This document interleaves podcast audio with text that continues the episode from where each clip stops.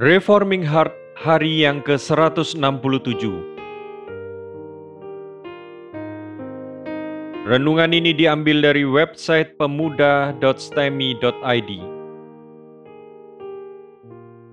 Tema renungan hari ini adalah Ibadah yang sejati.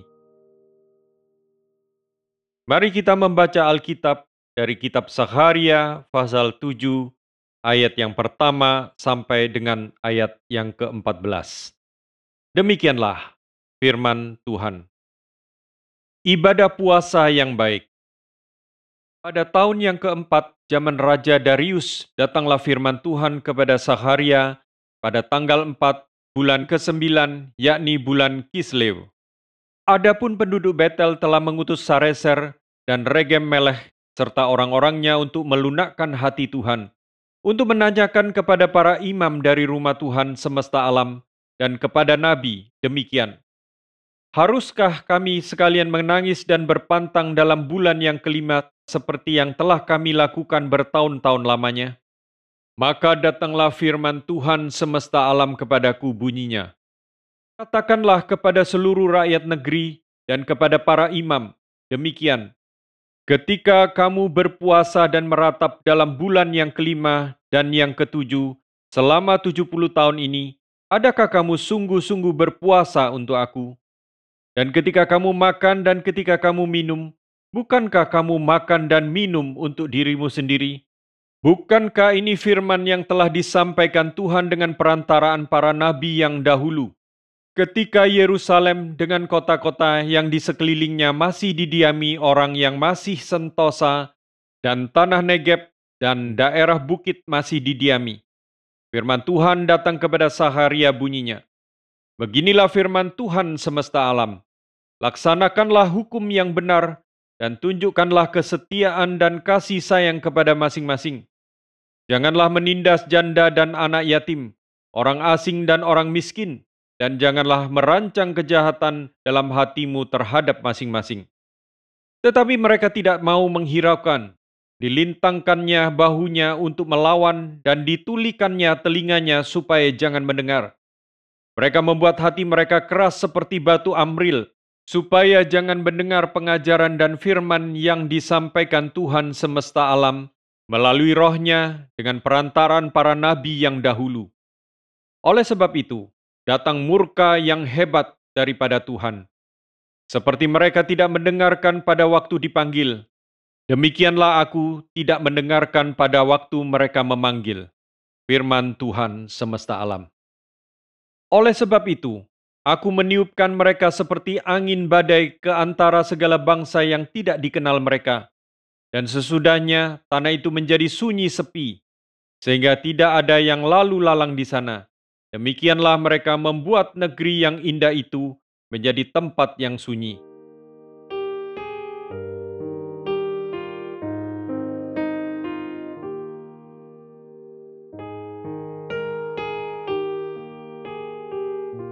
Setelah menuliskan tentang berbagai-bagai penglihatan yang dialami Sakaria, di mana sejarah Israel dari pembuangan hingga kedatangan Kristus kedua kalinya nanti semua dirangkum di dalam penglihatan yang begitu penuh simbol. Kitab ini melanjutkan pembahasannya dengan menuliskan kisah kehidupan orang-orang yang kembali dari pembuangan. Ayat yang kedua dan yang ketiga menulis bahwa ada orang-orang yang diutus oleh orang Betel agar mereka boleh tidak usah berpuasa lagi. Dahulu mereka berpuasa agar mereka boleh kembali ke tanah Israel. Sekarang mereka bertanya, apakah puasa masih harus dilanjutkan? Bukankah Tuhan sudah mengembalikan orang Israel ke tanah mereka? Pertanyaan ini menunjukkan betapa dinginnya hati orang-orang itu di dalam berpuasa. Mereka berpuasa karena diperintahkan, bukan karena kerinduan hati terhadap tanah Israel.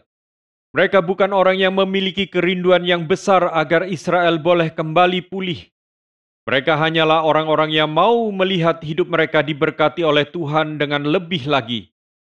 Itulah sebabnya Tuhan mengutus Saharia untuk berfirman kepada mereka.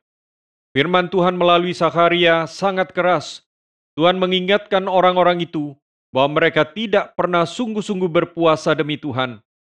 Mereka tidak pernah sungguh-sungguh mengerjakan segala sesuatu karena dorongan hati yang ingin melakukan demikian. Ayat 5 menjadi seruan dari Tuhan bagi Israel. Jika orang Israel berpuasa dan menangis, apakah mereka melakukan itu demi Tuhan? Ayat 5 dan 6 mengatakan bahwa segala hal yang dilakukan oleh orang Israel ditentukan oleh untung ruginya mereka sendiri. Mereka melakukan segala sesuatu demi diri mereka sendiri. Tidak ada kerelaan berkorban untuk Tuhan.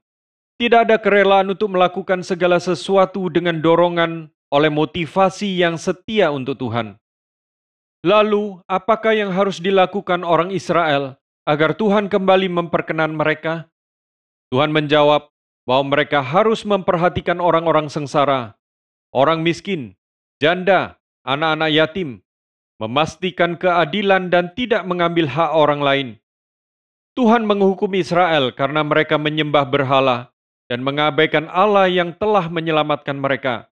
Tetapi kerusakan relasi dengan Allah akan segera berakibat kepada kerusakan relasi dengan sesama. Di mana tidak ada relasi dengan Allah, maka relasi dengan sesama akan menjadi begitu rusak dan kacau, sehingga bangsa-bangsa hidup dengan cara yang keras, kejam, dan saling memanfaatkan. Dosa tidak hanya mempengaruhi relasi kita dengan Tuhan saja, tetapi juga akan membutakan kita ketika kita memandang pernikahan, pergaulan, relasi antara masyarakat, dan lain-lainnya.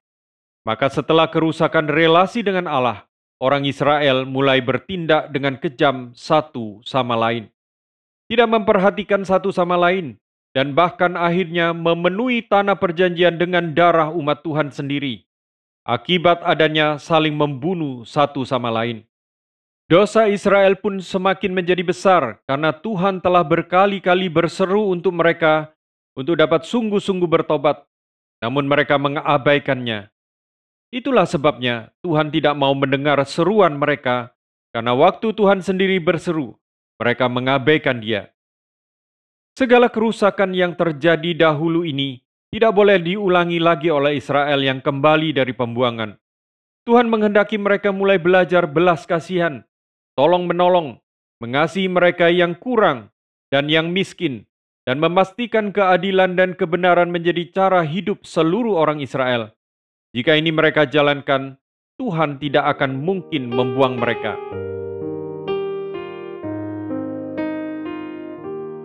untuk direnungkan. Salah satu kesalahan orang-orang Kristen yang sering terjadi adalah kita cenderung memisahkan antara kehidupan rohani kita dengan kehidupan sosial kita. Kehidupan rohani seperti ibadah, sakramen, doa, saat teduh, bersekutu, dan berkumpul bersama saudara seiman adalah rohani. Sedangkan problem-problem sosial seperti kemiskinan, ketidakadilan, dan segala bentuk kerusakan dalam dunia politik dan ekonomi itu urusan dunia. Karena kita orang rohani, maka kita tidak menyentuh urusan duniawi, tetapi inilah kerusakan rohani yang sangat timpang. Tuhan adalah Raja yang menyatakan kekuasaannya kepada seluruh bangsa. Dia tidak hanya berkuasa di gereja, dia bertahta atas seluruh bangsa-bangsa. Tidakkah pekerjaan Tuhan mengeraskan hati Firaun atau melunakkan hati Kores, raja-raja agung di dunia ini, telah menunjukkan bahwa dia berkuasa atas seluruh dunia. Mengapa justru orang Kristen sendiri yang tidak percaya itu?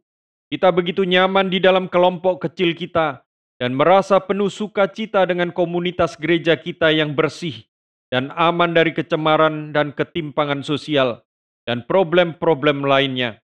Kita lupa bahwa Tuhan memanggil Israel di Perjanjian Lama sebagai satu bangsa untuk menunjukkan kepada kita sekarang bagaimana harus hidup berbangsa dan bernegara. Keadilan sosial, kemiskinan, ketimpangan yang terjadi di dalam ekonomi masyarakat, semua ini menjadi semakin parah karena sangat kurangnya orang Kristen yang sungguh-sungguh mengenal kebenaran Tuhan mau terjun. Tuhan membuang Israel karena dua hal ini, yaitu kegagalan setia menyembah hanya kepada Allah. Ini adalah aspek rohani. Dan kegagalan menciptakan masyarakat yang adil dan benar. Ini aspek sosial. Lalu, apa yang harus kita lakukan? Hal yang pertama yang paling penting adalah, sudahkah kita memasukkan kepekaan sosial kita sebagai bagian dari pengukuran kehidupan rohani kita? Biasanya kita mengukur kedewasaan rohani kita dengan rutinitas saat teduh, doa, dan lain-lain. Kita jarang memasukkan kepekaan sosial ke dalamnya. Berapa besar hatimu terganggu karena banyak orang diperlakukan tidak adil? Berapa besar hatimu terganggu karena kemiskinan yang merajalela? Hati yang terganggu merupakan bentuk kepekaan awal yang menunjukkan bahwa kita masih memiliki sedikit sisa sifat-sifat ilahi di dalam diri kita. Allah kita adalah Allah yang memperhatikan kaum tertindas. Lalu, hal kedua, setelah kepekaan itu kita miliki, barulah kita dapat bertindak dengan tulus. Orang yang menolong orang miskin, atau memperjuangkan keadilan tanpa perasaan hati yang terganggu oleh kondisi sosial yang rusak, hanya akan menolong dan berjuang untuk mendapatkan nama. Dia tetap mempunyai motivasi yang tidak tulus, dan dia tetap dibenci oleh Tuhan karena tindakan munafik yang dia kerjakan. Tetapi siapa yang menolong karena hatinya digerakkan oleh belas kasihan yang tulus? Dan siapa yang berjuang karena dirinya terus terganggu dengan ketidakadilan dan ketidakbenaran yang terjadi, dia akan berjuang dengan tulus. Biarlah sifat-sifat Allah kita yang adalah kasih, suci, adil, benar, dan bijaksana boleh berada di dalam diri kita sehingga kita sungguh-sungguh mencerminkan sifat Allah di dunia ini. Ketika seluruh kerinduan kita agar Allah dipermuliakan masuk ke dalam aspek ibadah di dalam hidup kita, maka baik berpuasa, meratap, ataupun berdoa akan menjadi salah satu ibadah yang kita panjatkan dengan ketulusan dan kesungguhan hati. Dan ketika kerinduan kita agar Allah dipermuliakan masuk ke dalam aspek sosial dalam hidup kita, maka gerakan hati yang marah karena ketidakadilan, perasaan murah hati dan belas kasihan bagi mereka yang tertindas, dan semangat berjuang untuk menyatakan kebenaran akan menjadi bagian hidup yang sangat menonjol di dalam kehidupan kita di tengah-tengah masyarakat. Jadi bagaimana? Apakah engkau orang yang rohani? Sudahkah tergerak melihat kondisi masyarakatmu? Biarlah ibadah kita dengan seimbang kita terapkan di dalam kehidupan sosial kita. Yakobus 1 ayat 27 Ibadah yang murni dan tidak tercela di hadapan Allah dan Bapa kita adalah mengunjungi anak-anak yatim piatu dan janda-janda dalam penderitaan mereka dan menjaga dirinya sendiri supaya tidak dicemari oleh dunia. Doa Tuhan, berikan kami hati yang dapat merasakan sakit hatimu. Sama seperti Tuhan sakit hati melihat orang miskin dan janda-janda miskin diabaikan Demikian kami mau merasakan sakit hati yang sama agar kami tergerak melakukan sesuatu bagi mereka yang tertindas. Sama seperti engkau menyala di dalam amarahmu ketika terjadi ketidakadilan. Demikian kami mau memiliki amarah yang sama sehingga kami berjuang dan bersuara memerangi ketidakadilan yang terjadi.